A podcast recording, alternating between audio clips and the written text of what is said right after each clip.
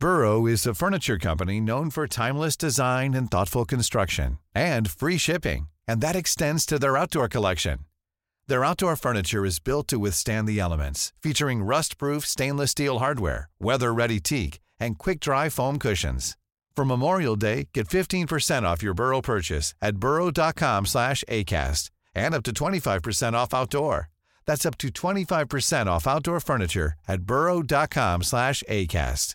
Many of us have those stubborn pounds that seem impossible to lose, no matter how good we eat or how hard we work out. My solution is PlushCare. PlushCare is a leading telehealth provider with doctors who are there for you day and night to partner with you in your weight loss journey. They can prescribe FDA-approved weight loss medications like Wagovi and Zepbound for those who qualify. Plus, they accept most insurance plans. To get started, visit plushcare.com slash weight loss. That's plushcare.com slash weight loss. Ready to pop the question? The jewelers at BlueNile.com have got sparkle down to a science with beautiful lab-grown diamonds worthy of your most brilliant moments. Their lab-grown diamonds are independently graded and guaranteed identical to natural diamonds, and they're ready to ship to your door. Go to BlueNile.com and use promo code LISTEN to get $50 off your purchase of $500 or more. That's code LISTEN at BlueNile.com for $50 off. BlueNile.com code LISTEN.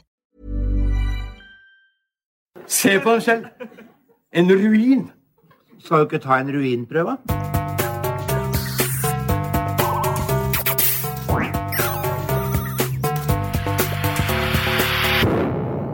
Velkommen til Sinnsyn. Jeg heter Sondre Risom Livre, jeg er psykolog, og dette er Webpsykologens podkast. Hverdagspsykologi for fagfolk og folk flest.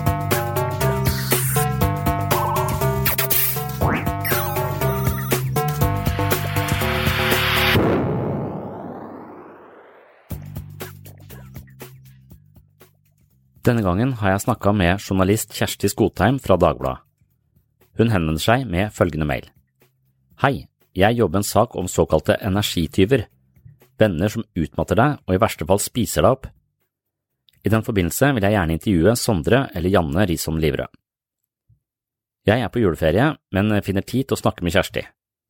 Det blir en lang samtale om vennskap. Hvordan blir man en god venn? Hva kjennetegner gode venner?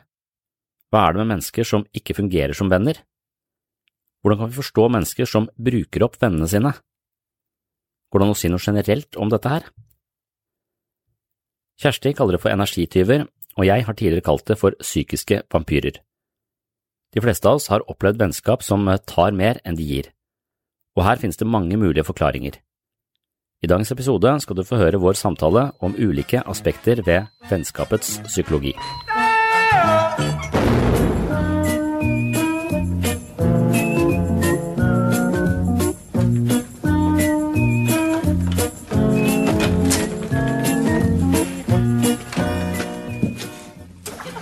Tenker på hvor mange venner jeg har fått pga. den hobbyen her. Jeg har venner over hele verden. Der har jeg venner, og der har jeg venner. Og... Venner over hele verden. Ingen i Norge. Ja, ja.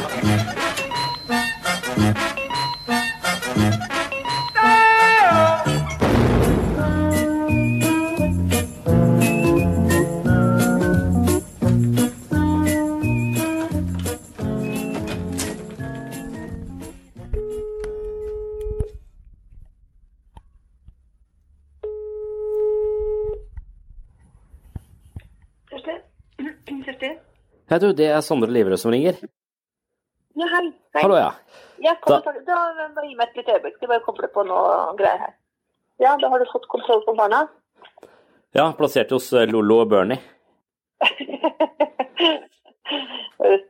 Ja. Du, eh, nei, jeg har, eh, jeg har eh, prøvd å lette opp på, på dårlige vennskap, rett og slett. Og det var jo bare, jeg sa kanskje det i går, litt usikker, men at jeg, ditt navn dukka opp der. Ja. Eh, du har jo uttalt det eh, i noen sammenhenger i hvert fall. Så har du den nettsida di, Mm. som, eh, som jeg også har vært inne og smuglet litt på. Altså, du er jo den tredje jeg snakker med nå. Ja. Jeg har også snakka med Fanny Duckert.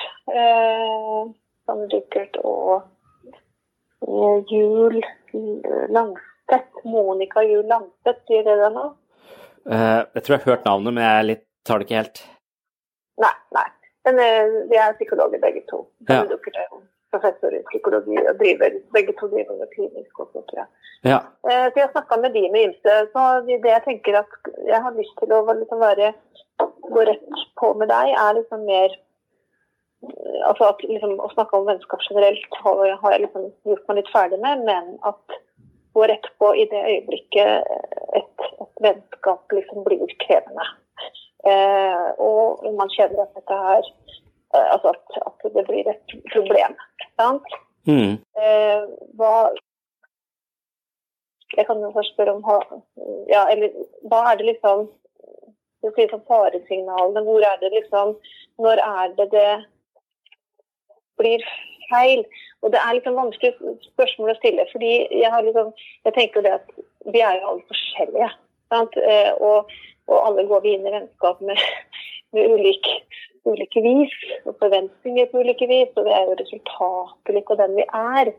Um, men, men, er det liksom noen sånne felles Finnes det liksom noen sånne fellestrekk som man kan sette fram som på en måte kan Altså for noen er jo mer grenseløse enn andre. Noen er mer tålmodige enn andre. Altså, det er det liksom, Forskjellen er jo litt Hvor lenge du holder ut da, med en dårlig kompis, er litt avhengig av hvem du er. Ja, Er du ute etter å holde ut, eller er du ute etter å forstå den dårlige kompisen? Eh. jeg er vel litt på den å holde ut. Eh, altså sånn, ja, jeg, jeg, altså Alle er jo vel mennesker, og vi, de fleste av oss vil jo vel. Sant? Eh, men, så det, det, der med å forstå er jo for så vidt Det er nesten en forutsetning for å holde ut? Ja, det er jo egentlig det. Ja. Man kan jo liksom synes synd på den kompisen fordi kompisen kanskje har en tøff bakgrunn, eller har stått, står i livskrise, eller ja. Eller har det faktisk vondt? Eh, Hvor tålmodig skal man være? Hvor, hvor går grensa for liksom å være den empatiske, lyttende parten som da kanskje nesten ikke kommer til orde eh, over lang tid? Ja. Eh, ja, for, for når, jeg, når jeg tenker ja, ja. Hvis, hvis, jeg tenker på den, den dårlige kompisen, kompisen, tror jeg det går an å si generelt, noe, noe generelt om hva som gjør mennesker til gode venner. Uh, og jeg, jeg, tror vel ofte at det handler om uh, det man kanskje sånn type Finn Skårderud vil si er høy mentaliseringsevne. Uh, og litt mhm. lite egoisme, for idet du er veldig egoistisk og mangler et blikk for den andres behov og ønsker, så, så, er det jo lett for at du, du kjører over folk. Så, så, mentaliseringsevne handler om å forstå sitt eget mentale liv og forstå hvorfor man tenker og føler sånn som man gjør. Men så handler det også om å forstå andre mennesker fra innsiden. Så det handler om å forstå hvor, hva er det jeg legger inn i denne relasjonen, og hvordan påvirker det den andre parten. Og hvis du har en høy mentaliseringsevne, så vil du ha et godt blikk for akkurat det. Og da vil du ofte klare å justere deg på en god måte, sånn at du får det beste ut av vennskapene dine. Men med en gang du er følelses... Du kalte det Hva kalte du det høy? Høy mentaliseringsevne. Det begynner, nesten, det begynner, nesten, å bli et sånt begrep som, uh, som, allmennheten bruker, eller som kan komme til å bli et begrep som allmennheten bruker. Litt fordi Finn Skårderud har mentalisering.no, og dette, dette, er en slags metateori som uh, favner nesten all psykologisk teori, og så er det et sånn enkelt begrep på hva gjør folk til gode mennesker. Det handler om å se seg selv utenfra og andre mennesker innenfra. Nettopp. Eh, og hvis du klarer å se deg selv utenfra og andre mennesker innenfra, så har du en god forutsetning for å justere deg i møte med andre på en sånn måte at det blir et, blir et gi og ta-forhold. Det blir ikke en ubalanse i forholdet. Og jeg tror de fleste ja. mennesker ønsker da et Eller de fleste mennesker Det optimale for mennesker er likestilte forhold hvor man gir og tar litt. Uh, mens de dårlige vennskapene er der man hele tiden gir og aldri får. Eh, og det er jo litt vårt eget ansvar, da. Hvor mye er du villig til å gi? Og hvis du møter et menneske i stort underskudd, så kan det være at, eh, at du tenker ja, ja, dette mennesket eh, tar jeg på min, eh, på min karmakvote. Eh, jeg skal lytte til dette mennesket, jeg skal hjelpe dette mennesket, vel vitende om at det ikke kommer noe eh, i retur her sånn. Og hvis man gjør et bevisst valg om det, og har det som en slags livsfilosofi, så tenker jeg at da er det helt ok. Men med en gang du hele tiden håper å få noe likt og blir skuffa hver gang du ikke får det, og kanskje spiller litt martyr og, og må holde ut med vedkommende osv., så, videre, så, så, så, så har du ikke på en måte Hver gang du blir skuffa over denne vennens manglende oppmerksomhet på deg og dine behov, eh, så har du ikke tatt et bevisst valg. Da, eller, da bør du kanskje vurdere hva du, hva du driver med. Og så tror jeg det er jeg tror det er subtile mekanismer her. Jeg tror at det, egoistiske mennesker er dårlige venner. Og med en gang vi er følelsesmessig belasta, så blir vi mer egoistiske og opptatt av våre egne behov og mangler. Og idet vi er i god balanse, så har vi mer overskudd til andre. Så der er vi jo hele tiden på en slags uh, skala mellom, uh, mellom, mellom, egoisme og mer uh, oppmerksomhet på andre. Så, men hvis, hvis, du generelt sett har mye egoisme, så er du generelt sett en dårlig venn, vil jeg tro. Så, så, hva, hva, hva, er din egen greie her? Snakker du også ut fra din egen måte å håndtere det, det på? Altså, er, du, er, du, god på denne, denne evnen til å liksom, eller hva kaller det mentaliserings... Ja. Jeg, jeg, vet ikke hvor høy mentalitet Hvis terapi fungerer, og jeg har gått såpass mye terapi selv, så bør jeg ha noe av det. Men jeg tror langt ifra jeg har eh, Men én ting er å ha mentaliseringsevne, en annen ting er å ha impulskontroll. For veldig ofte så vet jeg hva som er eh, riktig å gjøre, men jeg gjør det ikke likevel. Eh, så jeg har kanskje en viss forståelse for hva som foregår, men jeg har lav impulskontroll. Derfor gjør jeg det som er feil. litt, litt, for ofte. Så, så, det handler jo også om eh, så Hvis du er egoistisk og har lav impulskontroll, så, så er du jo ofte en som bare tar i et, i, i et forhold. Men, men, mentaliseringsevne Jeg ser for meg at vi trenger en, en slags ny hva skal man si, en, en ny norm for, eh, for eh, helse. Fordi at eh, alle vet at de kan gå på helsestudio og trene kroppen sin, og vi har sett ja, Kleve Broch gå opp 30 kg for en rolle i Uno, hvor han blir bodybuilder. Vi vet at kroppen vår kan trenes, men jeg tror at hodet vårt kan på tilsvarende måte trenes. Sånn at mentaliseringsevne er noe som hele tiden kan trenes opp. Og det er noe som krever øvelse. Og så lenge vi ikke trener noe på det, så er vi liksom Da er vi bare da har vi bare de medfødte evnene vi har, eh, på en måte. Sånn at, men, men, ja. Kanskje du må bare, Jeg må henge litt mer på deg nå. Altså, sånn, når du sier dette med høyden med traditeringsevne, snakker vi egentlig evnen til å holde ut? Er det litt det du sier, eller? Uh, nei, det, det, det nei. kan jo innebære evne Når jeg snakker om mentaliseringsevne, så, så tror jeg det er uh, en, en det, det, handler om å forstå uh, sitt eget mentale liv. Og, og, vårt eget mentale liv er helt umulig å forstå. Uh, for alt vi tenker og føler er feil, er ofte mitt, mitt mantra. For det, hvor, hvor, jeg, hva, hva, slags motivasjoner jeg har for å snakke med noen, eller for å være snill, eller for å være beundre, eller for å applaudere, eller for å uh, snakke ned til. Altså, det er jeg ofte ikke klar over. Jeg ofte, har ofte en rasjonale bak hvorfor jeg oppfører meg sånn som jeg gjør, men det er bare ofte én av tusen faktorer, så det er så mange ting ved meg selv jeg ikke vet. Og hvis jeg har høy mentaliseringsevne, så klarer jeg å inkludere flere faktorer. Jeg vet at eh, hvis jeg responderer nå med irritasjon, så er det fordi jeg er misunnelig. Eh, eh, og min misunnelse kommer til å korrumpere mitt forhold til denne andre personen og gjøre meg til en dårlig venn. Så en god venn forstår sin egen motivasjon og har kanskje impulskontroll til å ikke handle på den motivasjonen man åpenbart Dette handler om sjalusi. Eh, nå er jeg lite raus, jeg er lite tolerant. Jeg ser bare mine egne problemer, og, jeg klarer ikke helt å følge med på, eh, på vennen min sine, som har egentlig større problemer eh, enn meg. Så hvis jeg ikke klarer å lodde dybden i meg selv før jeg, før jeg agerer, så er jeg liksom ikke så, så, så, er ofte ganske egoistisk og med en lav mentalisering. Så mentaliseringsevne er kort sagt så er det å se andre mennesker fra innsiden, forstå deres behov og se seg selv fra, fra utsiden. Og er veldig, å se, se, seg selv fra utsiden betyr egentlig å forstå uh, mine egne motiver uh, og, og, og, forstå hva jeg legger inn i relasjonen. Men tilsvarende viktig er det da å forstå den andre, uh, den andre parten. Så noen mennesker som, som, på en måte kan være dårlige venner, kan ha opplevd å bli dårlig behandla opp igjennom, og på den måten så har de ofte de, de, kan ha litt sånn forståelse for De må ha listet seg litt rundt uh, og, og, på en måte vurdere andre. Kan jeg si noe nå? Er pappa sint? Og, og så videre. Så de har, de har den ene delen av mentaliseringsevnen. De forstår andre mennesker fra innsiden, men de forstår ikke seg selv. Og da kan de ofte plumpe ut eller fanges i uh, en type uh, mentalitet som, som, skader dem. Og da vil jeg si det er flere Det å være en dårlig venn altså Jeg tenker det er egoisme, det er lav mentaliseringsevne, vi kan komme tilbake til det. Men, men så er det også um, også, også denne eh, Når du er i en, en, eh, en relasjon eh, og du tenker at jeg er åpen og snakker åpent med min venn, men, mens egentlig så klager du og ansporer den andre til å prøve å hjelpe deg. Og den andre får hele tiden en følelse av å være litt sånn Å, dette, dette, må jeg jo prøve å bære, dette må jeg prøve å avhjelpe. Og så gjør den andre så godt den kan.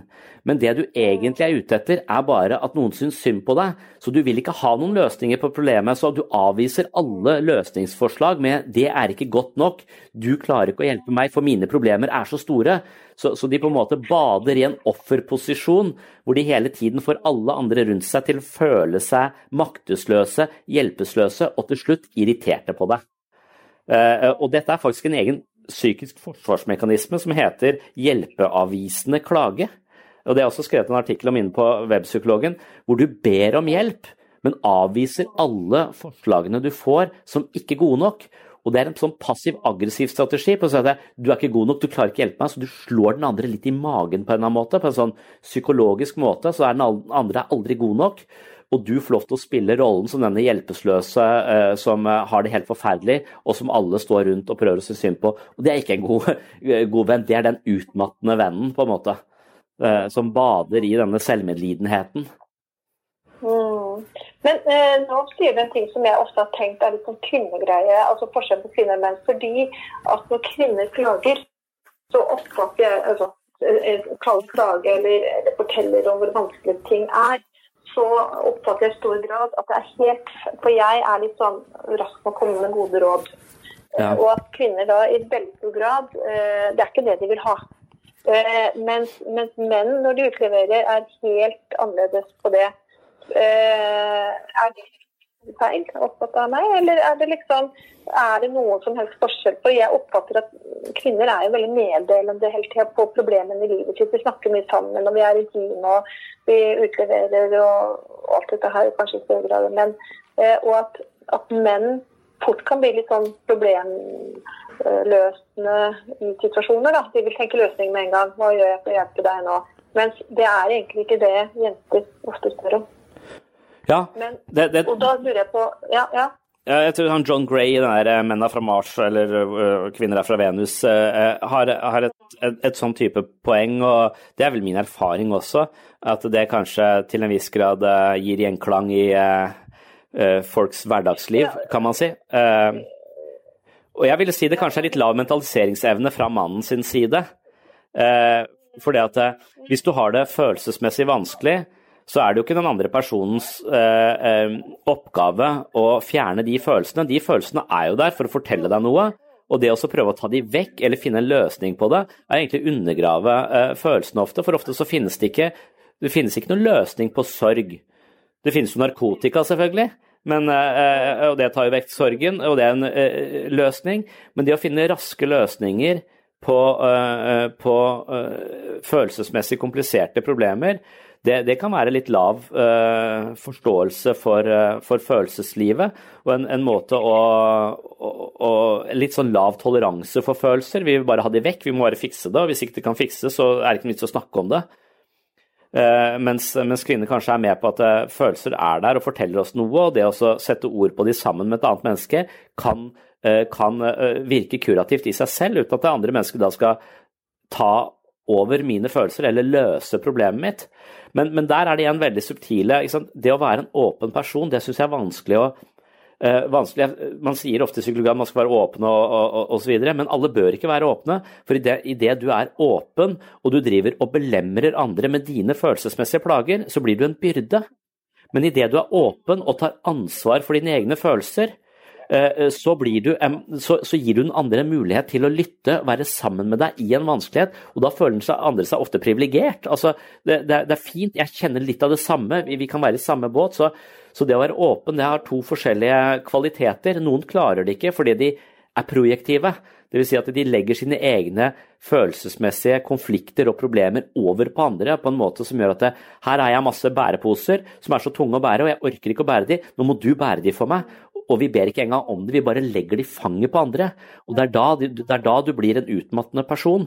Men idet du kommer til en annen menneske og sier at hva, jeg har masse poser jeg bærer på for tida, og så vil du se hva som er oppi posene, så kan den andre personen si at ja, det skjønner jeg er vanskelig, la meg ta en pose for deg. Eh, og, og da, gjør du, da, gjør du, et valg. Du, vet du hva, du har så mange poser, jeg bærer noen poser for deg nå, for jeg har faktisk kapasitet til det. Og hvis du bærer poser på den måten, så blir du sterkere. Men hvis du bare får poser i fanget og må bære de og blir irritert for at du bærer de, så blir du svakere. Da, eh, da, da blir du et dårligere, et dårligere menneske. På, eh, for, for det.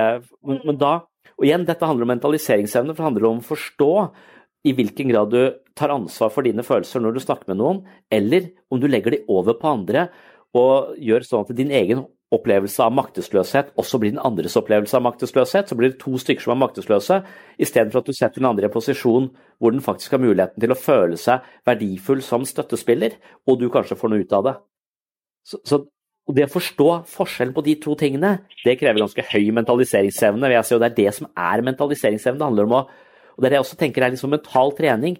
Dette er ikke noe som alltid kommer av, uh, av seg selv. Så um...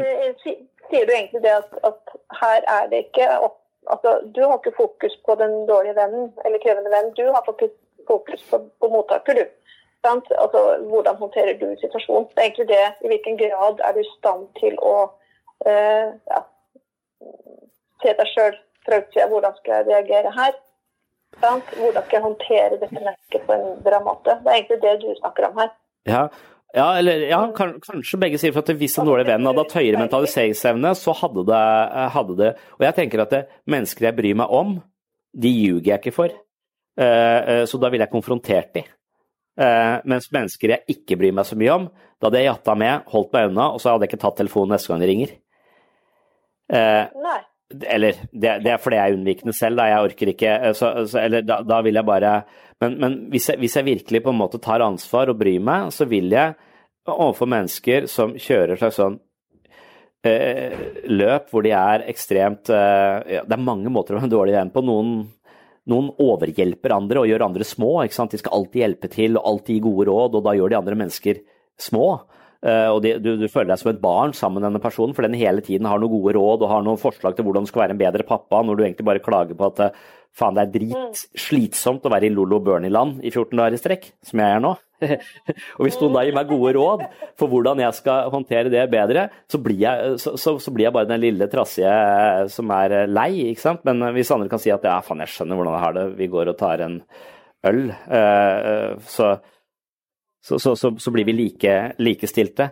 Men, men jeg vil, så, jeg vil si at i, i den situasjonen hvor, hvor, noen mennesker oppfører seg som dårlige venner, eller kanskje de, de mister kjæresten sin eller et eller annet, og de kommer til deg og klager på at han var en drittsekk eller hun var en drittsekk, og, og, og du tenker at nei, vedkommende var egentlig ikke en drittsekk, men du oppfører deg som en drittsekk mot dine partnere. Uh, og derfor så mister du den ene etter den andre. Så at folk holder ut med deg mer enn i 14 dager, det er et utrolig uh, så, så, Og det også på en eller annen måte måtte formidle dette til den andre, at de, de, forventer litt mye av andre mennesker og gir litt lite. Hvis du er en person som står deg nær og du bryr deg om, så er det kanskje på et eller annet tidspunkt viktig å formidle akkurat det. For det, det kommer til å skape en sånn derre litt guffen stemning, sannsynligvis. Det er derfor vi vegrer oss. Vi lyver jo for å unngå følelsesmessige problemer i øyeblikket. Eh, men, men hvis, vi, hvis, vi, gjør det, og faktisk kan gi eh, den andre en type Vår opplevelse av den andre, som ikke nødvendigvis er sann, men det kan være en opplevelse som flere har. Og hvis de da orker å ta den til seg og begynner å reflektere litt over sin egen væremåte, så har de jo alle mulige øh, da, da, vil de, med en gang de begynner å reflektere over sin egen væremåte, så vil mentaliseringsevnen deres øke. For det er sånn man trener mentaliseringsevne. Det er å reflektere over, øh, over seg selv. Og hvis du gjør det, hvis du reflekterer mye over deg selv, så blir du ofte en god venn. Men hvis du aldri reflekterer over deg selv, eh, så, så risikerer du å, å, kanskje være en litt impulsiv, egoistisk person som, som, er litt vanskelig å være sammen med på lang sikt. Mm. Har du sjøl tatt uh, disse vanskelige samtalene? Eller én sånn vanskelig samtale med en venn hvor du kjente at her må jeg bare si fra for at vedkommende skal kunne på sikt bedre? Jeg pleier å si at jeg lyver mer eh, privat enn jeg gjør i jobbsammenheng, for disse samtalene er Jeg jobber i gruppeterapi. Dette er det vi gjør i gruppeterapi hele tiden, hver dag. Eh, eh, hvis det kommer en person og forteller en forferdelig historie om en vond barndom, og det eneste jeg føler er eh, likegyldighet eller irritasjon, så er det interessant for meg, fordi jeg har hørt akkurat den samme historien før fra et annet menneske, og da var jeg på gråten. Eh, så den samme historien, fortalt av to forskjellige mennesker, gir, eh, gir, meg helt forskjellige følelser. Og da er det veldig på en måte viktig for Hva er det med den personen som forteller en historie på en måte som gjør meg bare eh, trøtt? Eh, eller irritert. Altså, den personen får ikke så mye ut av relasjonene sine. Den er sannsynligvis en belastende Kanskje har de brent opp alle relasjonene sine fordi de forteller historien sin uten å ta ansvar for den. De legger den i fanget på noen. Og det må, må jeg på en måte klare å formidle tilbake, vise de på et eller annet tidspunkt når de er klare til å ta imot det. Sånn at de klarer å eie sitt eget liv for å bli en god venn. Men betyr, det, I det øyeblikket man tar det ansvaret, som du sier, da betyr det at hvis jeg nå hadde vært din venn, og jeg forteller deg om et problem, tar jeg mer ansvar hvis jeg Altså at det, her er det ikke utelukkende den personen som er idiot, håpløs og ikke skjønner noen ting, men i det øyeblikket jeg analyserer min egen reaksjonsevne, måten eh, ja, hva er det som, Når tar jeg det ansvaret? Hva må til for at du skal kunne føle at jeg tar det ansvaret? Jeg ser, det er fordi jeg ser meg sjøl utafra. Ja. Um, ja, og det, Som du sier, her er det to sant? Det er alle ja. samme historie. Begge to er, har opplevd uh, Mamma tok selvmord, et eller annet. Begge mm. to har opplevd det. Den ene der får du kjempeempati, den andre føler absolutt ingenting. Ja. Og som du sier, den du får sympati for, er den som føler at den, den tar ansvar for problemet på en annen bit. Altså, jeg må bare liksom, hva mm. tenker du er det som på hvilken måte kommer det til uttrykk, da? Sant? Er det krokodilletårer? Er det, er det ordene som sies? Er det måten det sies på? Eller er det Jeg vil jo tro at det er følelsen av at de tar ansvar for noen. Eller at de, som du sier, de, de, de putter ikke problemet på deg eller på gruppa eller på Det er ikke bare et offer, men det er Ja. ja. ja og det, det, er det, det, er det, som er Det der tror jeg vi, vi alle kjenner på, og vi, vi, forstår det når vi møter det, men vi, vi, vet ikke akkurat hva det er. Vet vi vel? Eller vi vet ikke, det er vanskelig å definere hva det er som gjør den uh, subtile forskjellen i de, de to eksemplene. Uh, det kan kanskje være lettere med, med noen, andre, noen, andre, følelser. Uh, noen, forteller, ja, noen forteller vanskelige historier om at de er sammen med, med, med folk som behandler de dårlig. dårlig. Men så begynner de også å unnskylde den personen litt. eller sånn, eh, Ja, ja, men det er jo litt min skyld også. det er jo, uh, Så, uh, så ut ifra den historien uh, så blir jeg forbanna på den partneren og får lyst til å kvele den partneren de, de beskriver. Mens de selv har ingen følelse av irritasjon overfor partneren sin. Eh, så, så, så, der er det ofte en sånn type de, ingen, de, de, de, selv har ikke noe følelse av irritasjon overfor partneren sin. De føler at de må stille opp, at de må være sånn. Og, og, og da er det igjen at de det, Projeksjon betyr at det er følelser i oss selv som vi ikke helt forstår eller tåler. F.eks. sinne er en vanskelig følelse å tåle. Og Hvis jeg ikke tåler sinnet mitt, så, så kan jeg håndtere sinnet mitt på å få andre til å være sint på mine vegne. Um, så når de da, eh, når de da legger eh, og, og, det der å ikke ta ansvaret for følelser, det er på en måte ikke noe Når du ikke gjør det, så veit du ikke at du ikke gjør det. Men når du skjønner at jeg, alle, alle i min situasjon har lyst til å, å, å bare kverke det mennesket jeg er sammen med, mens den følelsen er veldig langt unna meg. Jeg føler hele tiden ansvar og skyld og, og at jeg aldri stiller opp nok. ikke sant? Uh, men den følelsen den gikk i gjenklang i andre. Så med en gang du begynner å reflektere på den måten, så begynner du å se at her, er det en følelse av sinne som mangler hos meg, fordi jeg kanskje har opplevd at sinne er farlig, og en følelse som fortrenges. Og når jeg snakker om det, så er det som om jeg, som om jeg lar andre mennesker bli sint på mine vegne. Og det er igjen litt sånn slitsom venn, for den, den vennen må jo den, den vennen eh, det, det, å være en venn da gjør at jeg må gå rundt og være ganske mye forbanna på kanskje en person jeg ikke kjenner engang. Eh, så, så projeksjon som fenomen er nok også et, et, eh, noe som, som, gjør at vi og Det, det, det blir regna som et primitivt forsvar, men psykisk forsvar er noe alle mennesker har, og vi har ca. 30 forskjellige strategier. Når vi har det bra, så er vi ganske modne i forsvaret vårt. Det betyr at vi forstår følelsene, vi kan sette ord på dem, vi kan ta ansvar for dem. Men med en gang vi syns at følelsene er på en måte over terskelverdien for det vi orker å ta inn over oss altså Hvis vi kjenner på alle disse følelsene, så lider vi psykisk sammenbrudd, så her må det noen mekanismer inn for å holde noen følelser på avstand. Da kan de undertrykkes, eller de kan på en måte plasseres over i andre mennesker. Eh, så, så, hvis jeg er sur og tenk, ikke identifiserer meg som en sur person, så kan jeg si til kona mi jeg syns du virker litt sur i dag. Eh, og så sier hun hun er ikke det, og hun er egentlig ikke det heller, men når jeg har sagt det tre ganger, så er jeg dritforbanna. Eh, eh, så på en måte så blir da andre mennesker bærere av de følelsene vi selv ikke tar ansvar for. Og det er den, det er den utmattende vennen har et, har et høy grad av projektive forsvarsstrategier, som betyr at de legger mye av sitt eget, mange av sine egne uavklarte følelser over i andre. Eh, og dette er jo så subtilt. ikke sant? Dette er ikke noe som du kan si at det, eh, det blir synlig det jeg begynner å snakke om dette som poser. Men du la plutselig noen poser av sinne over i meg, og nå er jeg det sinnet som egentlig var ditt. Men jeg kjenner ikke ennå at jeg egentlig fikk det fra meg, jeg ble bare anklaget for å være sint. Nå er jeg dritforbanna. Uh, og, og, og, da er det liksom det som har skjedd på veien her, det er sånne mekanismer som foregår i skyggen av relasjonen, som vi liksom ikke ser. Og høy mentaliseringsevne ser det oppdager eh, at det er det som, eh, det som eh, foregår. Og, og, vi, og, når vi da er i møte med disse menneskene, så må vi ofte kjenne kommer, hvor, hva slags følelse får jeg med denne personen. Hvis denne personen tar altfor mye, for mye plass, gir meg en følelse av maktesløshet, håpløshet, irritasjon, alt dette her, så kan det være at dette er følelser som egentlig tilhører i den andre. Og du kan enten prøve å tematisere det, men ofte så kan du bare prøve å ta mer plass med ditt eget. Eh, for det kan jo også være at du opplever, og det er ikke så uvanlig, jeg møter mennesker som sier at alle andre mennesker er egoistiske. Alle venner de bryr seg egentlig ikke, alle bryr seg bare om seg og sitt. Eh, og, og, hele tiden at de er denne martyren som går gjennom livet og lytter og hjelper alle andre og strekker seg så langt, men får de noe igjen? Nei da, ingenting.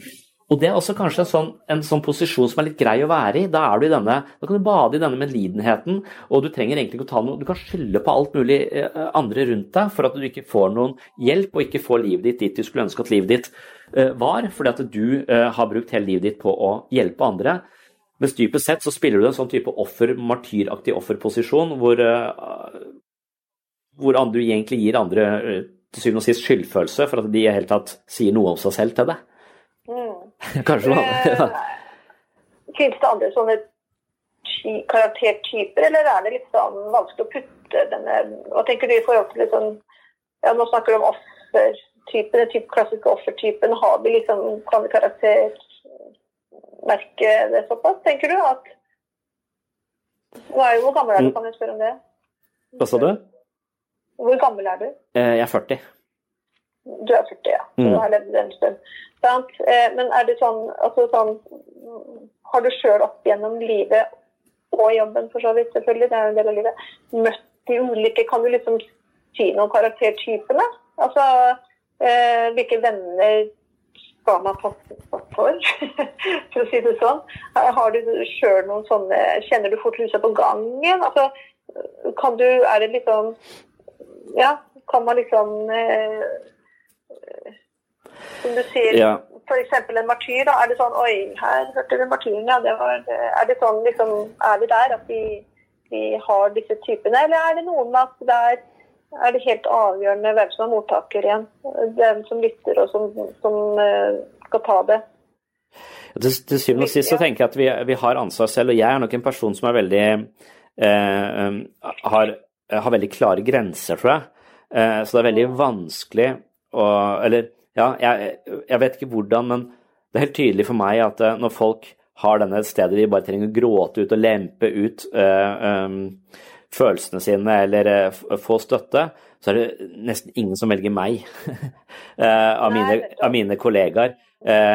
mens hvis de trenger å forstå seg selv eller bli utfordra, så velger de typisk meg.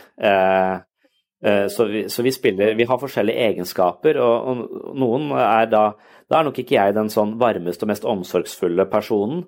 Eh, noe som er en, Det å klare å romme andre menneskers følelser eh, og forstå at det er det du gjør, eh, det kan være veldig kurativt og veldig, veldig god ting. Og særlig da når du klarer å gi de sånn langsomt tilbake for dem, for at de bar for mange poser. Du fikk de, du visste det, men langsomt så ga du de posene tilbake. Så nå, for hvis du hele tiden bare ta posen deres, så blir de jo svake mennesker.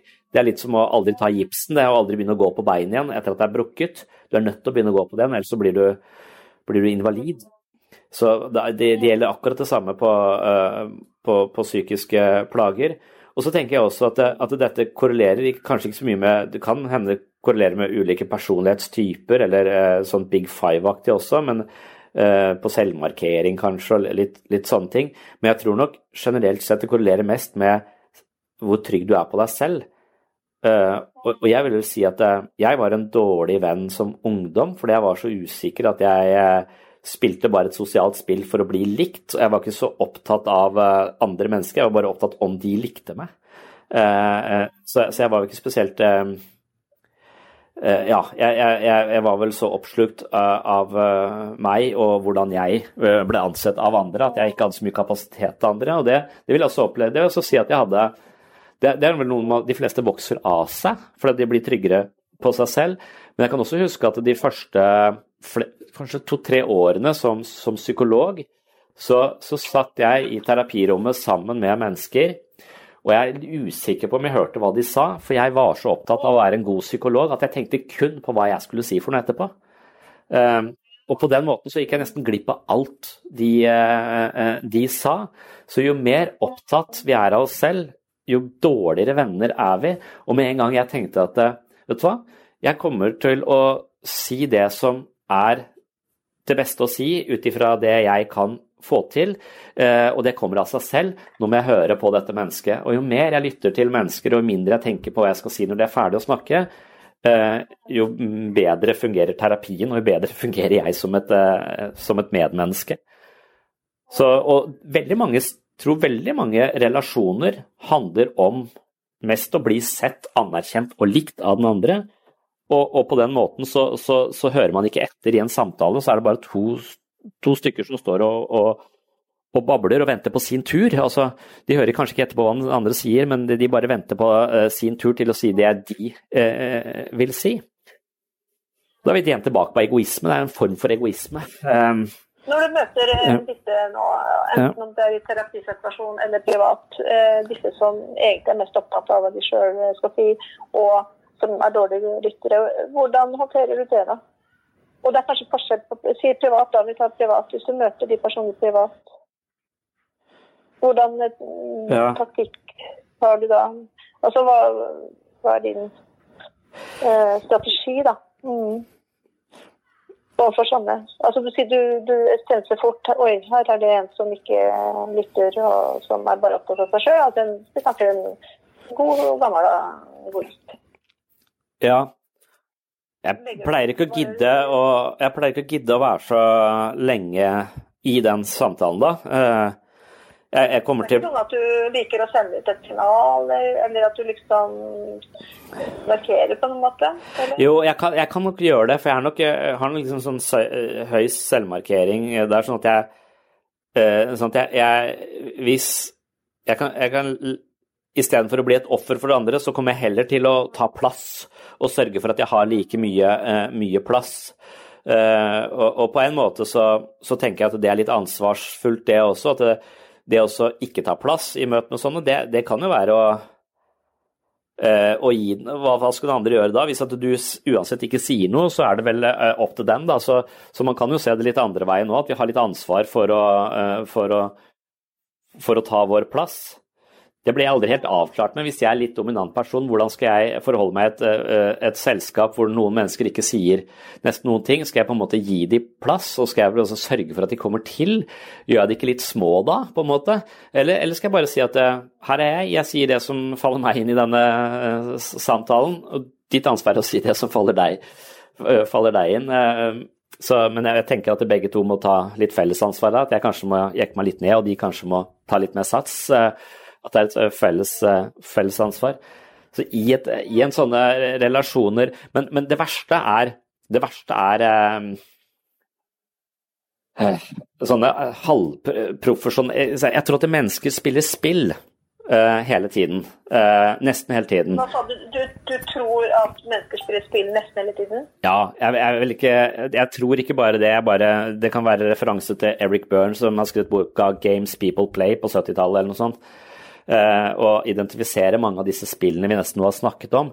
Eh, og alle disse spillene handler om egentlig å få anerkjennelse, men vi tør ikke å be om det direkte. Vi tør ikke være sårbare og si hva vi trenger. Derfor så går vi rundt grøten og spiller ulike spill som handler om å bli anerkjent på en eller annen måte. Og jo mer spill en relasjon legger opp til, jo mindre genuin kan du være. Eh, så, så jeg tenker at gode relasjoner handler om å være så oppriktig som mulig. Og jeg vil si at jeg kanskje er litt sånn noen ganger, hvis jeg ønsker å komme raskt inn i en, en litt dypere relasjon, så er jeg ganske sånn overoppriktig. Altså, og, og, og, og, med en gang jeg tenker at jeg lyver litt, f.eks., eller smører litt på, eller sier noe Eh, litt sjokkerende for å bli interessant, eh, som jeg egentlig ikke helt kan stå, stå inne for, så skjønner jeg at jeg er i gang med et spill. Jeg er i gang med et spill som handler om å vinne sosiale poeng, og med en gang jeg har lagt opp til et spill, så tvinger jeg også den andre til å spille det samme, eh, samme spillet. Eh, så jo mer spill jeg selv spiller, jo mer må andre mennesker spille. Men jo mer jeg klarer å ikke spille dette spillet, men heller være genuint nysgjerrig på det andre, og genuint åpen uh, selv, så, vil vi kunne klare å dempe det forhåndsprogrammerte spillet litt, og være en mer oppriktig relasjon. Jeg synes det er typisk sånne, Noen sånne litt sånne profesjonelle relasjoner hvor man er, liksom, skal bli kjent med noen som er litt viktige personer, så det går ofte på sånn, eh, på så innlært eh, sosiale konvensjoner eh, så, som, man, som, noen er flinke til å gjøre nesten på autopilot, liksom. Og, og, og, den typen Da føler jeg liksom det er sånn plastikkaktig. Av og til så føler jeg meg som en dokke, en slags Barbie-dokke. som er liksom, Jeg veit hva jeg kommer til å si, jeg veit hva den andre kommer til å si, jeg veit hva dette handler om. og så, og så, og så og så er jeg redd for å drite meg ut ikke spille spillet bra nok. Så jeg får sånn prestasjonsangst av sånne ting, eh, sånne ting også. Og det, det, det, gjør nok meg til en dårlig venn. Eh, sånn, det, eller det, det, som gjør meg til en bra venn, er at når jeg skal på f.eks. en fest hvor jeg syns det er litt viktig å være, hvor jeg skal treffe mennesker jeg tror det er litt viktig uh, å treffe, så vil jeg ofte føle en grad av sosialangst i forkant hvis jeg, hvis jeg, har fokus på å prestere og vise at jeg er en interessant person. Men hvis jeg tenker at det, det, har jeg ingen ambisjoner om, det kan jeg bare drite i, det orker jeg ikke å prøve på engang. Jeg skal bare prøve å være interessert og, og, bli kjent med de andre. Og med det fokuset så kommer jeg som regel alltid mye bedre ut av det, og jeg slipper sosialangsten, for den i min forstand handler ofte om prestasjonsangst. da. Da, det handler om å tvinge meg selv inn fra, istedenfor å være dette egosentriske fokuset og de må like meg, til uh, uh, ok, det kan jeg ikke styre uansett, la meg prøve å finne ut uh, hvem de er, ved å være oppriktig interessert og lytte. A lot can happen in the next three years. Like a chatbot may be your new best friend. But what won't change? Needing health insurance. United Healthcare Tri Term Medical Plans are available for these changing times Underwritten by Golden Rule Insurance Company, they offer budget-friendly, flexible coverage for people who are in between jobs or missed open enrollment. The plans last nearly three years in some states, with access to a nationwide network of doctors and hospitals. So for whatever tomorrow brings, United Healthcare Tri-Term Medical Plans may be for you. Learn more at uh1.com. There's never been a faster or easier way to start your weight loss journey than with PlushCare PlushCare accepts most insurance plans and gives you online access to board-certified physicians who can prescribe FDA-approved weight loss medications like Wigovi and Zepbound for those who qualify. Take charge of your health and speak with a board-certified physician about a weight loss plan that's right for you. Get started today at plushcare.com slash weight loss. That's plushcare.com slash weight loss. plushcare.com slash weight loss. I'm Sandra, and I'm just the professional your small business was looking for. But you didn't hire me because you didn't use LinkedIn jobs. LinkedIn has professionals you can't find anywhere else, including those who aren't actively looking for a new job but might be open to the perfect role, like me. In a given month, over 70% of LinkedIn users don't visit other leading job sites. So if you're not looking on LinkedIn, you'll miss out on great candidates like Sandra. Start hiring professionals like a professional. Post your free job on linkedin.com/people today. Ja, og si nå, nå går du inn eh, med det for øyet, sant? og du kommer på festen, og du eh, er der. Sant? Du er nysgjerrig, du er åpen mot andre. Og så kommer denne egoisten, da. Ja. Sant? Ja. Som du fort, eller kaller det egoist eller en løgner, forestill en som han spiller veldig godt, du kjenner deg sjøl igjen. Eh, hva gjør du da? Trekker du deg mer unna den personen, eller kan du kjenne at du blir trygga og har lyst til å hva, Ja, hva skjer i deg da? Jeg vet ikke, hvis, hvis han er sånn åpenbart egoistisk, bare sier uinteressante ting og, og, og, og sånn, så, så, så kommer jeg til å Hvis det er flere der, så kommer jeg til å prøve å bidra, så, så det blir eh, eh, å, å prøve å spore det over på noen andre, eller, eller noe sånt noe. Men, men hvis det er La oss si det ikke nødvendigvis er en egoist, men kanskje mer en sånn dominant person. Eh, for, du, møter ofte de. Eh, og, de legger opp til et annet sosialt samspill eh, som ikke er så omsorgsfullt og varmt og nært, men mer som en slags sosial tennis, på en måte. Og personlig så stimulerer det meg litt. Altså, de, de spiller litt høyt. De, de er litt sånn Så jeg kan nok trekkes mot de menneskene som virker litt bråkete uh, på uh, og ta, ta litt mye plass, og kanskje er litt sånn uh, Se på meg og, og, og Hva skal man si? eh, denne Jordan Peterson snakker om disse hummerne. Så hver gang en hummer taper en sånn eh, sosial twist, så utskilles det et hormon som gjør at han trekker seg litt sammen og blir litt sånn eh, krumrygga. Mens hver gang du vinner en sånn sosial twist, så får du et hormon som gjør at du trekker skuldrene tilbake og, og blir mer oppreist. Og i neste kamp så virker du større og får mer dominans. Så, så det å spille en sånn type da vet jeg at dette er litt sånn sosial pingpong også, det, ved- men, men det kan også være noe stimulerende litt sånn Akkurat som hvis du bare spiller tennis med noen er omsorgsfull og vil at den andre skal treffe ballen og, og så videre, så forsvinner jo hele, hele spenninga i spillet. Så det er jo litt sånn eh, begge deler, eh, begge deler her. Eh, Men eh, så, ja, så, så, så ikke det, ja.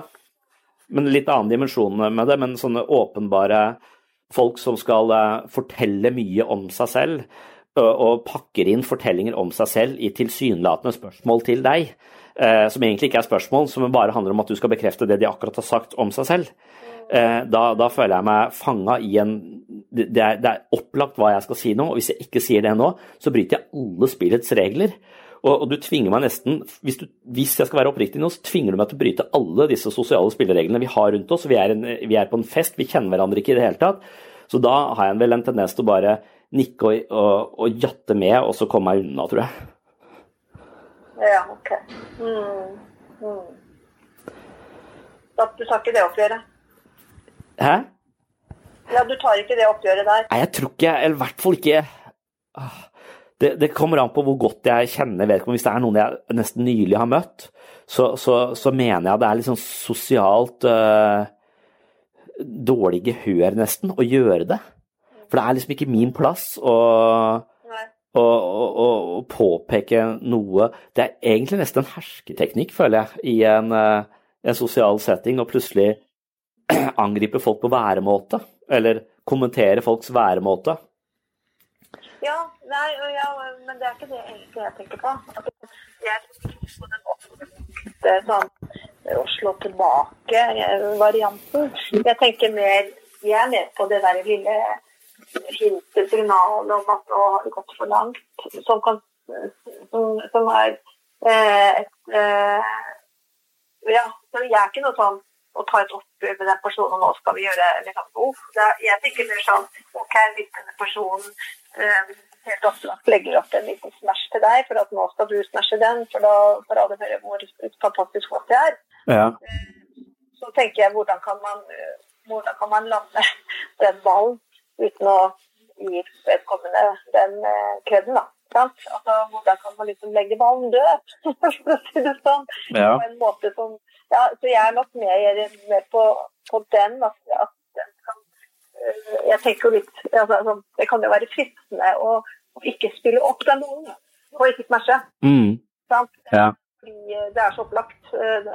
Sant? serven er så ekstremt opplagt. Ja. Sånn at, at her er det liksom bare sånn Poff, der smakka ball ut på sida. Uh, ja, så jeg var nok litt mer der på, på, på den. Mm. Ja, eh, hvordan, ja, hvordan, unngå å, å liksom eh, bygge opp dette egoet eh, ytterligere. Sant? Ja, men et, et, ego i underskudd trenger jo egentlig å bygges opp også. Eh, så, så, du vil jo kanskje bidra til dette mennesket ved å gjøre det, men du vil også kanskje bare eh, forsterke et, en, en, væremåte som er ugunstig for, for personen. Men, men jeg, jeg, tror en annen metafor kanskje for, for meg selv eh, passer bedre. For jeg, jeg syns det er vanskelig å svare på sånn hva gjør du når du møter? Altså, jeg, jeg tror kanskje at det, det å være sammen med et annet menneske eh, som du kjenner mer eller mindre perifert, eller et nytt vennskap eller noe sånt noe, det handler egentlig Det, det ligner litt på dans.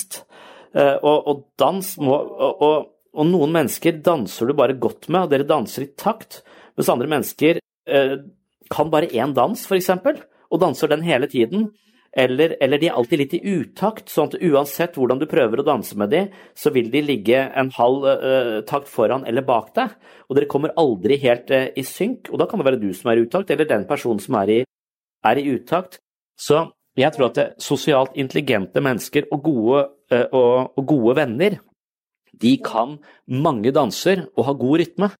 Så det betyr at de på veldig mange områder kan møte egoister, eller de kan møte folk som er eh, selvopptatte. Og, og, og selvopptatt da, i den forstand at du, du, altså, du, har så mye problemer og har hatt det så vanskelig at du har ikke kapasitet noe andre enn deg sjøl. Det er jo ofte en, en, sårhet og en mangel som ligger bak denne, denne, måten å være på, og dermed så er du ingen god danser. Men pga. at jeg kan så mange danser og er så flink med, med, med rytme og takt, så kan jeg spille deg god. Det, det, kan man jo kanskje klare. altså Å, å, gjøre, lære denne personen du står og snakker med, en type sosial dans som plutselig blir ganske spennende og interessant, og, og flere hiver seg, hiver seg, på. Og jeg tror jeg, det, liksom, det, blir liksom diffust å snakke om dans, men jeg tror det er det, liksom det, nærmeste du kommer for å si noe sånn eh, For det er så tusen milliarder forskjellige situasjoner du kommer i, men, eh, men eh, men det å være en god venn handler kanskje om å kunne mange dansetrinn og klare å finne takten med et stort antall mennesker. Mens det å være en dårlig venn er kanskje at du alltid danser det samme og, og krever at den andre skal føre. Uh, og, og, og, blir kanskje litt skuffa eller litt uh, utafor hvis den plutselig prøver å legge om takta eller prøver å invitere deg opp til en annen type, uh, type dans. Mm, ja. Jeg, jeg, mener at kanskje de menneskene som har en del psykiske plager som jeg møter, er kanskje litt begrensa i dansinga si, samtidig som de kanskje er litt for alvorlige. At de, de har problemer, ting er tungt, det er vanskelig, eh, litt negative. Eh, så de har en sånn type tungsinn over seg som også kan være veldig utmattende og slitsomt for, for andre. For at alt de har opplevd har vært så alvorlig. Men jeg tror at det å leve et godt liv, det handler om å, å leke. Jeg tror det motsatte av lek, det er angst og depresjon.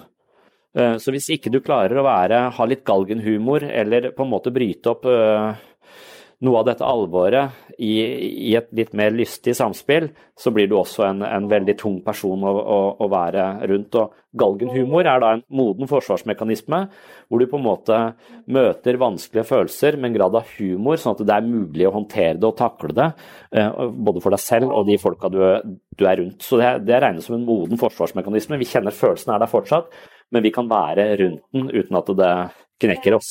Mm. Nettopp. Mm. Um.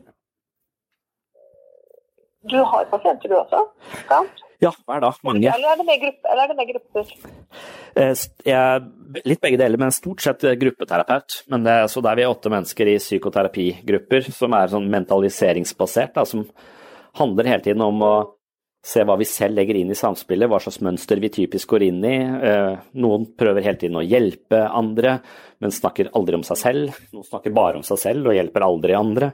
Eh, så disse, disse mellommenneskelige tingene de dukker opp i gruppa, og når de dukker opp, så tematiserer vi de og gjør de synlige ved å gi det et språk. Og når vi gir det et språk, så kan vi på en måte så Gruppeterapi er psykoterapi på speed. Du har åtte mennesker til å oppleve hvordan du er, istedenfor én terapeut.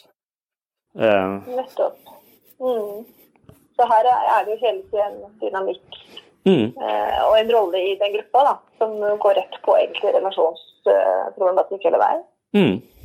Hvordan jeg fungerer med andre, hvordan jeg reagerer på andre, hvordan andre reagerer på meg. Mm. Men er denne, er denne, denne Mentaliseringsbasert gruppeterapi? Ja. ja. Er det, et, det er et viktig tema i disse gruppeterapiene? Ja, det, det, det jeg er ikke sikkert jeg bruker ordet mentalisering så mye, men jeg bare opplever Nei. at det blir stadig mer eh, sånn uh, folkepsykologisk uh, brukt. Da.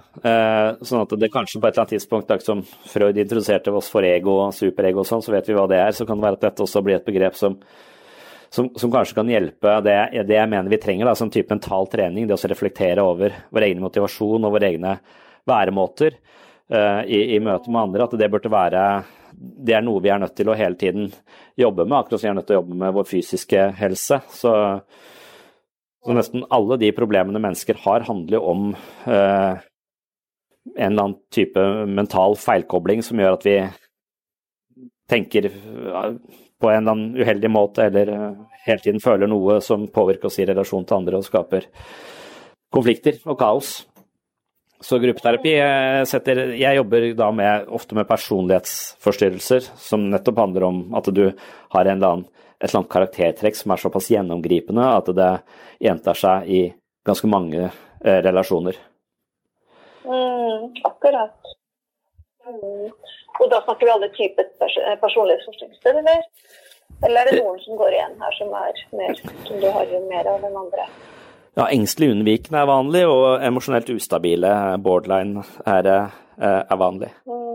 Eh, delvis paranoid også, men de eh, kan også Så dyssosial er vanskelig å ha i en gruppe, men en omsorgsfull gruppe kan ofte smelte noe av det dyssosiale trekkene hos enkelte. Eh, hva sa du nå, en omsorgsfull gruppe? Altså at denne gruppa på åtte finner en ja, Jeg tenker at hvis en gruppe på åtte har Hvis gruppas generelle nivå Eller sånn den, den måten gruppa danser på, da, hvis, den, hvis det er, har høy karakter på mentaliseringsskalaen, hvis de, de danser på en på en, eh, på en, på en måte med, med, høy mentaliseringsevne, så vil en person som f.eks. er dyssosial og mest opptatt av veldig lite interessert eller veldig lite fininnstilt på andres behov og følelser i det hele tatt, eh, vil kanskje eh, skjønne at den dansen de danser, blir helt Eh, helt malplassert i denne gruppa, så langsomt så er de nødt til å begynne å gå inn i den samme takten. Og kanskje de begynner å forstå andre mennesker litt mer fra innsiden. Kanskje de får en gryende følelse av omsorg for et av medlemmene i gruppa, og kanskje de ser seg selv i det medlemmet som aldri fikk noe omsorg når de vokste opp. Så at det er mulig å, å se sine egne relasjoner. For, for, problemet vårt er jo at de relasjonene vi vokste opp med, er ofte de relasjonene, det er ofte den dansen vi kan. Så Det er sånn vi også danser i møte med nye mennesker. Så hvis vi hele tiden har vært vant til å bli avvist og, og tråkka på, så er det også noe vi, vi forventer i nye eh, relasjoner. Og da kan det være at vi avviser mennesker som egentlig vil oss vel på et altfor tidlig tidspunkt, fordi vi ikke orker å komme dit hvor de avviser oss. Så, så det er tusen sånne ting også som, uh, som, spiller seg inn i et vennskap også. at det, Hvis et vennskap blir for tett eller for nært, så kan det være at den ene personen ikke har noen erfaring med den typen nære relasjoner, eller har en erfaring på at den, de, de, alltid ender med svikt og tragedie. og Dermed så er det nå best å trekke seg unna. og Jeg ikke, har ikke noen grunn til å trekke meg unna, men jeg begynner å oppføre meg subtilt på en måte som gjør at jeg skaper avstand uh, til den andre personen, så at vedkommende til slutt ikke orker å være sammen med meg. Så du har jo, du har jo personlige eh, sånne Dette er det Freud sier, at, eh, at eh, fortiden lever alltid i nåtiden. Så vi har en, hele tiden en tendens til å gjenta Dette er det som kalles tilknytningsteori også. Vi har en stil i måte å knytte oss til andre mennesker på. Og da er det en stiler som, som ikke borger for gode og nære relasjoner, men som vi lærte fordi vi hadde en eller annen type ustabilitet i oppveksten vår, og kanskje vi var nødt til å holde en viss avstand for ikke å bli såra, at det var en beskyttelsesmekanisme. Mens det som beskytta oss som barn, blir nå det som sørger for at vi ikke har noen gode relasjoner som voksen.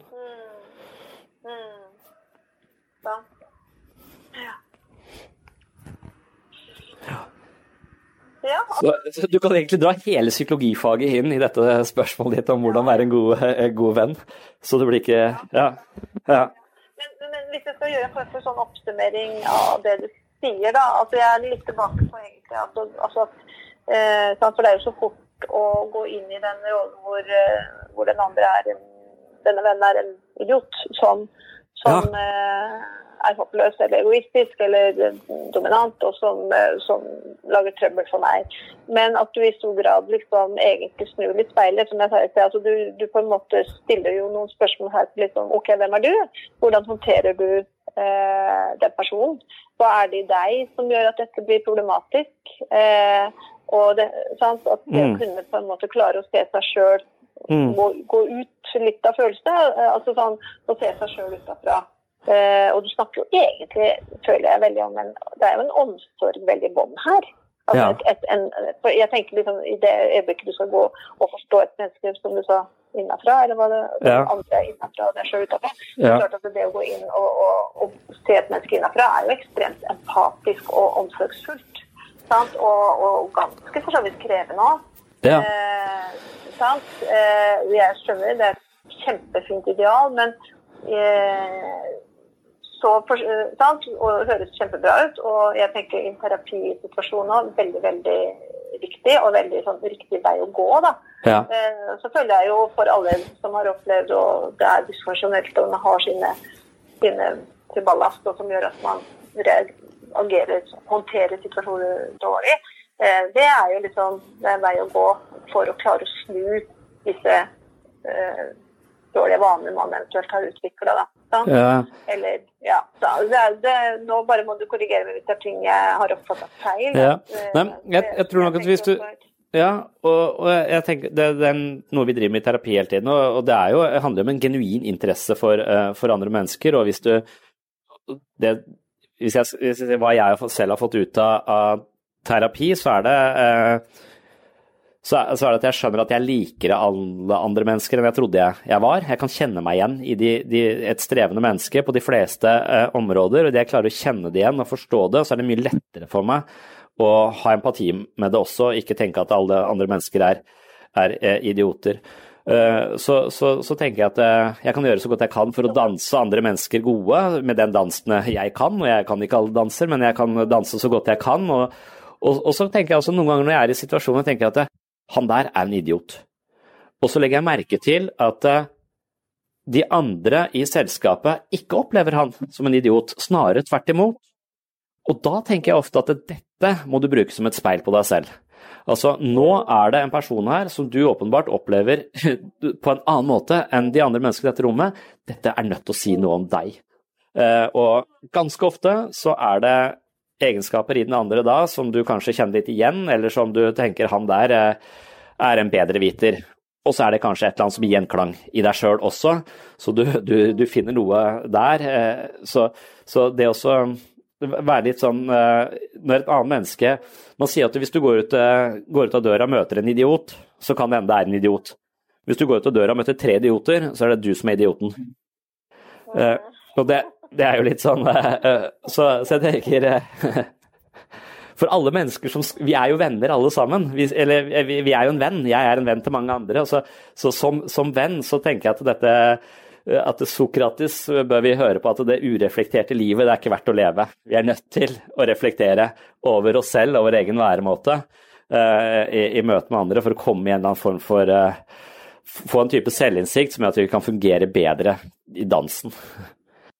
Uh, og, og, kanskje være såpass trygge på den dansen vi danser at vi har kanskje kan uh, istedenfor å alltid drive og føre og bestemme hvordan dansen skal være, prøve også å danse etter andres mønster innimellom og bli mer opptatt av å lære, lære nytt om, om, andre danser som folk har.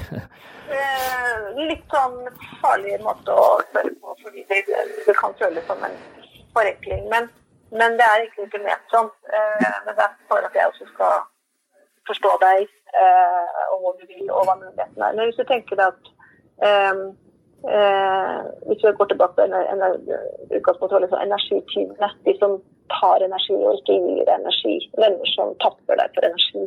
Eh, hva, hva, gjør du med det? Sant? Så eh, hva er din enkleste måte å, å besvare det spørsmålet på? Hva gjør jeg? Du har sagt det nå, men eh, jeg vil at du skal prøve ja. å si det på en, eh, på en eh, Hvor enkelt kan du si um, I de situasjonene så hjelper det å forstå den andre fra innsiden. Og det hjelper å huske på at de fleste usympatiske trekk handler om et underskudd. Eh, og hvis du klarer å, å se det, så er det lettere å regulere sin egen irritasjon. Og, og hvis du klar... de, de, fleste også, de fleste usympatiske trekk eh, Handler om et eller annet psykologisk underskudd, eh, eller psykisk mm. underskudd, eh, som folk prøver å kompensere for. Mm. Sånn. Så, så, hvis mennesker som er i mentalt god balanse, de har mye å gi til andre, men mennesker som er et underskudd, de er ofte veldig opptatt av seg sjøl og blir anerkjent eller får dekket de behovene de mangler. Og det er de, som, det er de som trenger noe av oss, eller stjeler noe av oss, det er det som er den dårlige vennen. Men hvis du forstår det, eh, så, må du gjøre et valg. Har du eh, nok armer til å bære flere poser? Er du villig til å bære litt poser for denne personen? For så kanskje kunne eh, lage en relasjon der og levere noen poser tilbake på et senere tidspunkt? Eller eh, har du eh, nok av poser selv og ikke egentlig interesse for å Eller overskudd til å gjøre så mye mer? For er, hvis ikke du har overskudd, så er det bare dumt å gå inn i sånne typer relasjoner. For det kommer bare til å trekke deg selv ned, samtidig som det gjør den andre personen dårligere. Så to mennesker, så, så når, du, når du møter den typen mennesker, så må du gjøre et bevisst valg. tenke at her skal jeg holde ut litt, se hva som, hva som, skjer. Kanskje klarer vi å danse eh, bedre sammen. Kanskje det gjør denne mennesket uh, bedre. Kanskje det kan lære meg noen dansetrinn jeg ikke kunne fra før, så kanskje det er noe å hente her. Men da er du i en overskuddsposisjon. Uh, det dummeste du gjør, er å mer eller mindre sånn ubevisst bare være i relasjonen og bli skuffa og irritert og begynne å baksnakke personen og Eh, det, det, det, blir bare gift. Da er du ikke Da begynner du å utagere ditt eget sinne. Eh, og det er jo du som har valgt å være der, så du, da må du ta ansvar sjøl.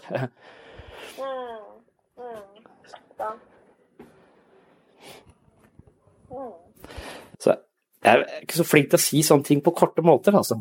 Nei, men det er jo en, mm. det er en evig utfordring, det. Men altså, ja. jeg tenker jo liksom jeg skal jo jeg skal jobbe med det. Mm. Og tenke sjøl hvordan kan man liksom eh, kunne si det på en, eh, på en Altså, det er jo veldig avhengig av deg sjøl, da. Altså, det, er jo, det du også sier, er at det er jo helt avhengig av deg selv.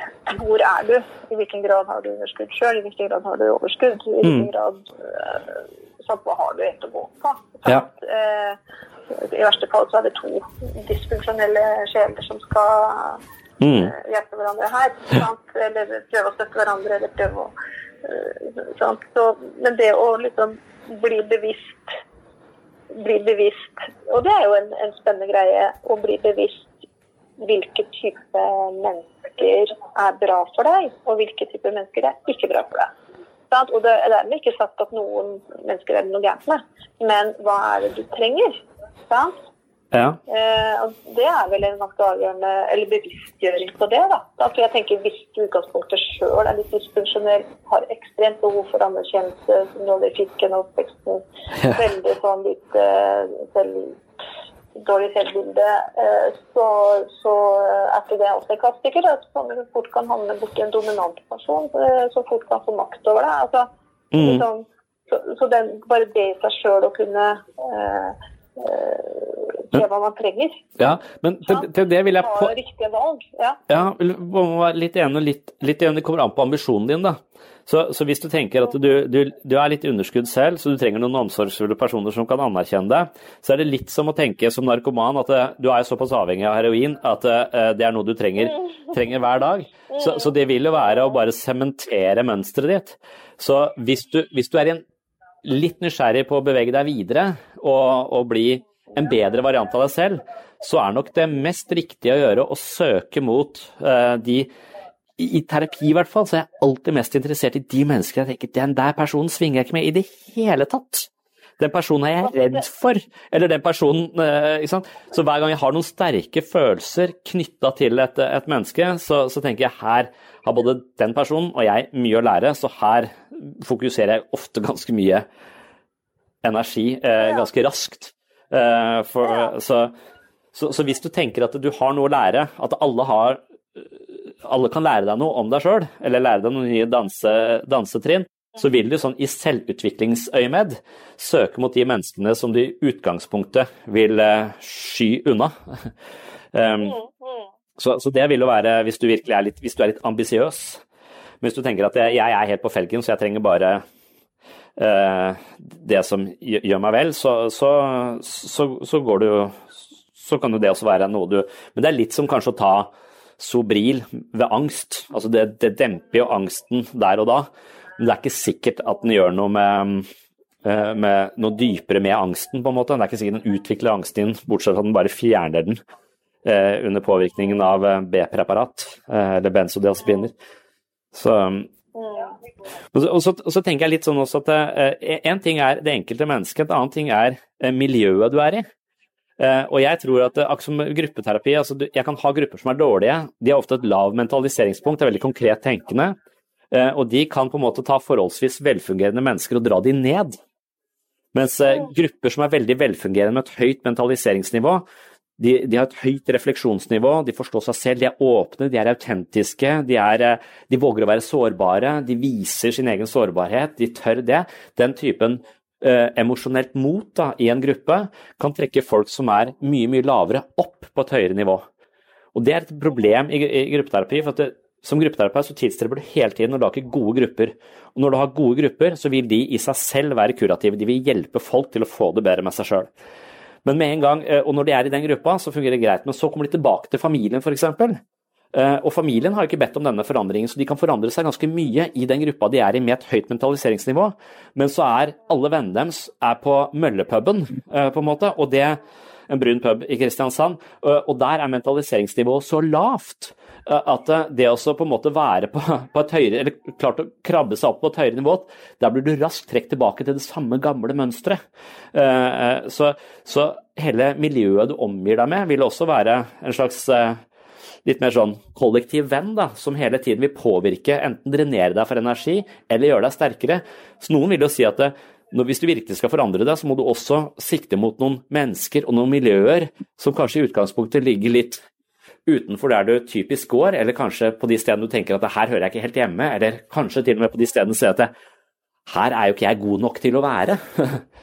For man kan jo tenke litt sånn også, at man, at man at for å virkelig skape forandringer, så, nytt, så, kan du ikke alltid leve hvis du har levd i et, et, gjengmiljø eller et eller annet, eller kommer fra en familie som aldri snakker om følelser, og du plutselig har begynt å snakke om det, så blir du sett på som utskuddet. Og den som, det er ikke rart at han går til psykolog, han må jo ha blitt helt gæren og blitt dårligere å gå til psykolog. Det er litt som en sånn fotballbane. altså at eh, Hvis du i det miljøet du er, alltid har, spist, alltid har spilt venstre back, så vil folka alltid sparke ballen mot venstre til deg, bakover. Hvis du plutselig har funnet ut at ja, men jeg skal jo egentlig være spiss, og begynner å spille spiss uten at du har eh, avtalt det med de andre på laget, så vil de hele tiden bli irritert på at du ikke er der du skal være. Eh, og Sånn er det ofte med miljøer, at de, hele, de tvinger deg tilbake de samme mønstrene, den samme måten å være på. Og det, det, kan jeg oppleve litt når jeg er tilbake med mine gamle venner jeg vokste opp sammen med, og er tilbake plutselig der de jeg på en måte skilte lag med da jeg var 18, eh, fordi vi flytta til forskjellige steder, men fortsatt holder sammen. Så er jeg litt tilbake i noen roller jeg tenkte at det, ah, den følelsen av å ikke være god nok og hele tiden måtte kjempe litt, den trodde jeg var ferdig med. Men den dukket opp nå igjen, plutselig.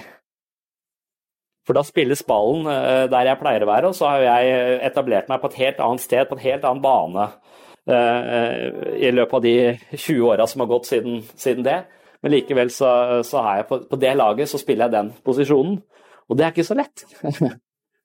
og da blir jeg ofte en litt dårligere variant av meg selv, så det, det, det, vennskapet kan jo spille meg litt, litt dårligere. Um, men så er det jo sånn i sånne ting at i 20 år har jo som regel eh, forandra alle, da. Så plutselig så kommer alle eh, med litt nye roller. Så man må jo hele tiden etablere og forhandle i, denne, i dette lagspillet om hvor man skal være og hvor man vil være. Jeg vil si at Når jeg møter mennesker som jeg, eh, som jeg, kjente for mange mange år siden, så skammer jeg meg litt. Fordi at jeg tenker at det, ah, da var jeg den derre selvopptatte idioten uh, som var usikker på seg selv og prøvde å kompensere. og så blir jeg litt sånn desperat etter å vise at jeg er noe annet, og så blir det også helt teit. For da er jeg der på at jeg skal vise noen, og igjen egosentrert, ikke sant. Så det, så.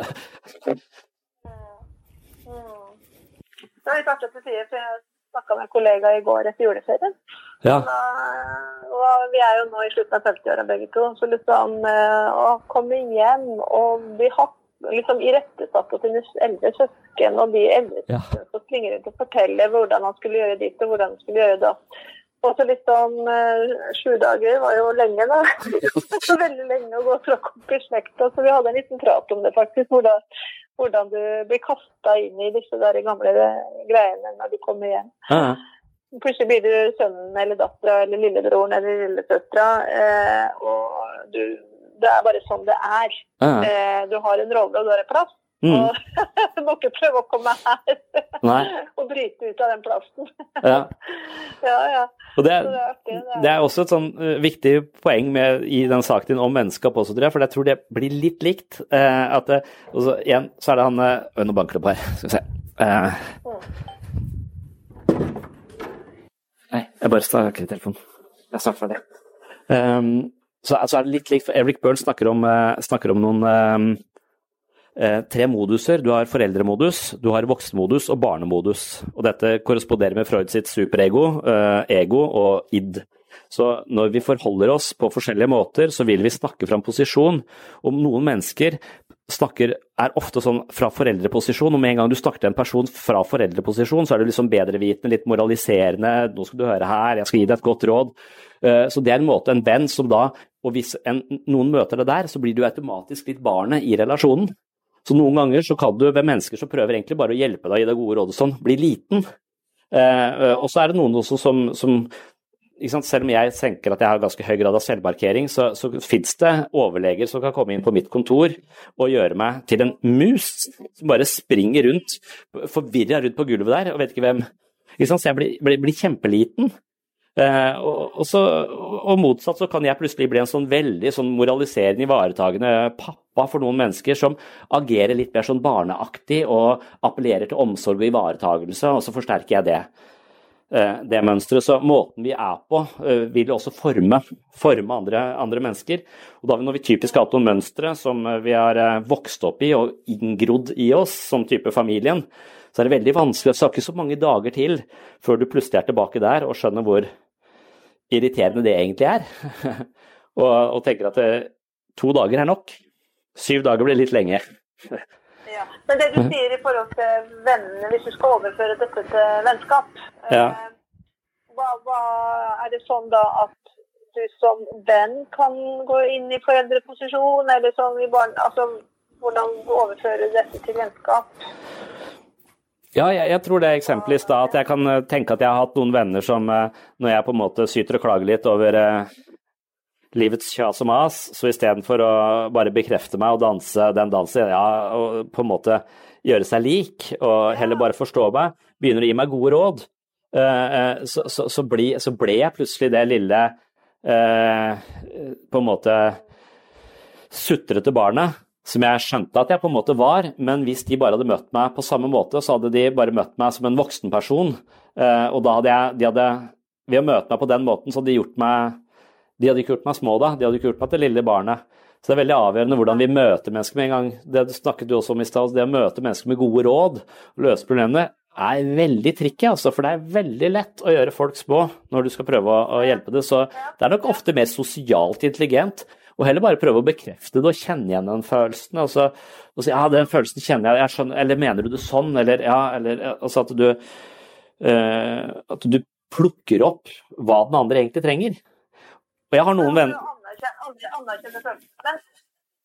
i det øyeblikket det ikke er noen løsning Det er ikke et Og situasjonen er helt forferdelig grusom. Ja. Det er ikke en utvei. Den er ganske vrien, den òg. Altså, det er ikke noe lyspunkt, det er ikke noen løsning på det. Eh, da, da går det jo en eller annen refleks til meg at vi må finne en løsning. Mm. Skjønner du? Ja. Og, det er derfor Sokrates er så smart, da. For at, eh, for at eh, Sokrates hadde på en måte Det er hele psykologi eller Terapi er bygd opp rundt eh, ideen til Sokrates. Og, og greia er at det, med en gang du begynner å prøve å motbevise dette mennesket som du kjenner, som er såpass dystert og destruktivt og ikke ser noen løsninger på noe som helst, med en gang du prøver å motbevise posisjonen deres, så prøver de ofte å, bevise at du tar feil. Så istedenfor å skape noen forandring, så bygger de bare enda tjukkere vegger i den eh, virkelighetsmodellen de har uh, fanga seg sjøl i. Så de vil bare komme med motargumenter. Det er litt sånn en politisk debatt òg. Det er ingen som sier 'Å ja, det var et godt argument'. Nå endrer jeg standpunkt. Har du noen gang hørt Erna Solberg si det i en, eh, en debatt? Det er fordi at en debatt funker ikke. En debatt har ingenting eh, ved seg. Men Sokrates skjønte altså at du, du, han prøvde aldri å overbevise noen som helst, han bare stilte spørsmål. Hvorfor tenker du sånn? Men hvordan kom du til å tenke på den Ja. måten? Når du føler det, hvorfor, har du følt det før? Er dette en vanlig følelse for deg? Er det en følelse du alltid har? Altså masse spørsmål. Da tvinger du personen til å gå ut av virkelighetstunnelen sin og kikke inn og si ja, den måten, den destruktive og depressive måten jeg tenker på, den har jeg fordi at folk alltid har kritisert meg. Det reflekterer ikke virkeligheten på en oppriktig måte, men det er min virkelighet fordi jeg alltid har blitt kritisert. Og med en gang du ser det, så skjønner du ah, det finnes jo en annen virkelighet da, som ikke er preget av ja. denne, denne eh, kritikken. Så det er en måte å jage folk ut av Platons hule, hule på, ved å stille de spørsmål. Så terapi handler om å stille spørsmål, ikke overbevise eh, andre om at de tar feil, for da, da vil du bare oppnå det motsatte. Nettopp. Mm. Ja. Oi, spennende. Mye å lære. Uh, skal vi se, vi har snakka veldig lenge, og jeg tenker at uh, jeg skal eh, sette meg ned og begynne å sortere dette her. Mm. Uh, og så kan det godt hende at det dukker opp når jeg begynner å liksom få en, se hva jeg har her, at det dukker opp noen spørsmål. Da kontakter jeg deg bare. Ja. Er det, var det England, England du er, eller hvor er du i verden? Nei, nå er jeg på Tenerife. Mm. Hvor lenge blir dere på Tenerife? Eh, vi drar hjem på søndag, så på mandag er jeg tilbake på, på jobb. Men det er også litt tid her innimellom. Eh, Jeg kommer ikke til å, å plage deg i helga, så da er det i så fall på mandag. ja. Eh, og når på mandag er dere hjemme da, sånn cirka? Eh, jeg tror vi er hjemme på søndag natt, ja, så jeg satser på å være på jobb på, på mandag. Så da er jeg litt i gruppeterapi og sånn. Hvis jeg ser du har ringt, så kan jeg bare ringe deg opp igjen. Ja. Mm. Nei, men det er bra. For da, og da er det et spørsmål, og så tenker jeg sånn at jeg kanskje sitatmessig sett at du får lest gjennom ting, at det kan bli fra løpet av onsdag og torsdag. Ja, supert. Noe rundt der. Ja. Eh, ja, men supert. Det er ikke noe lyst å si eh, som, er, som du tenker er viktig i sammenhengen? Det er ikke så alltid lett å stille det. Jeg kan heller eh, eh, komme tilbake til det. Hvis jeg kommer på noe, så kan jeg, kan jeg ringe Ja. deg. Men eh, jeg tror vi har vært innom eh, ganske, ganske mye nå. Men det er sikkert flere. Jeg så Ja. føler det, altså. Ja. Så, nei, men tusen takk skal du ha. Takk for at du tok deg tid. Kjempefint, det. Og eh, kos dere på dette NIF disse dagene. Takk for det. Ok. ja, fint. Ha det. Ha det. Det. Ja. Donatett. Nei. Jo.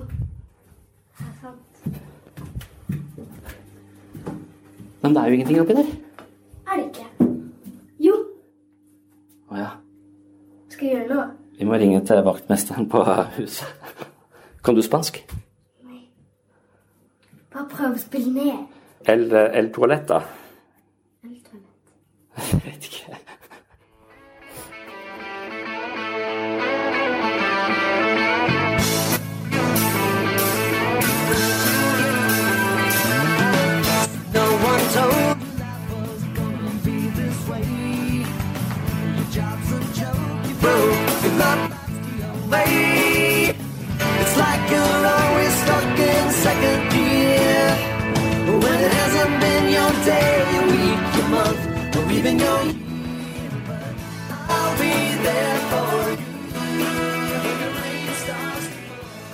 Takk for at du hørte på Sinnsyn. Dette var eh, det vi hadde om eh, vennskap for eh, denne gang. Men jeg kommer tilbake til en ny episode om kjønnsforskjeller i vennskap ganske snart. Så hvis du er mer interessert i vennskapets psykologi, så, det, så må du bare tune inn om ikke så altfor lenge. Kanskje bare et par dager, for alt jeg vet. Ellers er det jo som vanlig på sin plass å takke alle som har rata podkasten, og alle som har anbefalt den til venner og bekjente, eller delt den i sosiale medier, eller skrevet om den på bloggen sin, eller andre måter man kan spre budskapet på. Det setter jeg stor pris på. Også veldig glad for at det stadig vekk er folk som eh, går inn på webpsykologen.no og bestiller enten Selvfølelsens psykologi, Jeg, meg selv og selvbildet, eller Psykologens journal. Og når jeg leser inn dette, så har jeg jo en slags ambisjon om en lydbok. Jeg vet ikke, og kanskje den er ute allerede når denne episoden når lufta. Eh, men jeg skriver også på eh, bok nummer tre i denne serien Selvfølelsens eh, psykologi, som kommer til å relatere seg direkte inn til denne podkasten på en eller annen måte. Så den boka er godt underveis, den er nærmer seg egentlig ferdig, men det er nå litt dialog med forlag osv. for å se hvordan dette her skal lanseres og distribueres. Ja, det var det. Mer om vennskap om ikke så lenge. På gjenhør!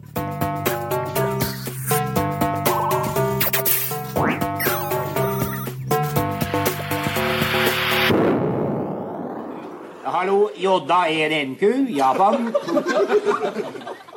Yuki? Hirumi! Hello, Yuki. Hello, hello, hello. How stands it to? Akkurat. Uh, how is uh, your wife? Nei, how? How? How? How um, uh, how are how are you how are you getting? Uh, nei, skjønner du ingenting nå? How getting are you?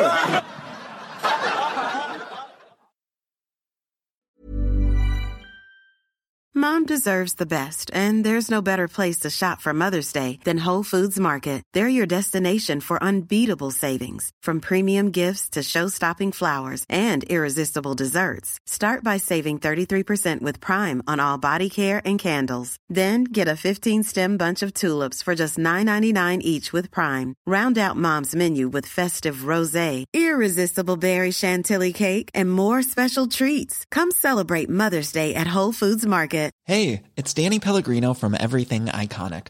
Ready to upgrade your style game without blowing your budget? Check out Quince. They've got all the good stuff shirts and polos, activewear, and fine leather goods, all at 50 to 80% less than other high end brands. And the best part? They're all about safe, ethical, and responsible manufacturing.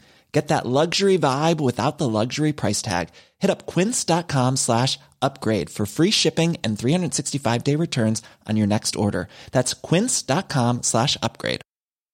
Imagine the softest sheets you've ever felt. Now imagine them getting even softer over time. That's what you'll feel with Bowl and Branch's organic cotton sheets. In a recent customer survey, 96% replied that Bowl and Branch sheets get softer with every wash. Start getting your best night's sleep in these sheets that get softer and softer for years to come. Try their sheets with a 30-night guarantee. Plus, get 15% off your first order at bowlandbranch.com. Code BUTTERY. Exclusions apply. See site for details.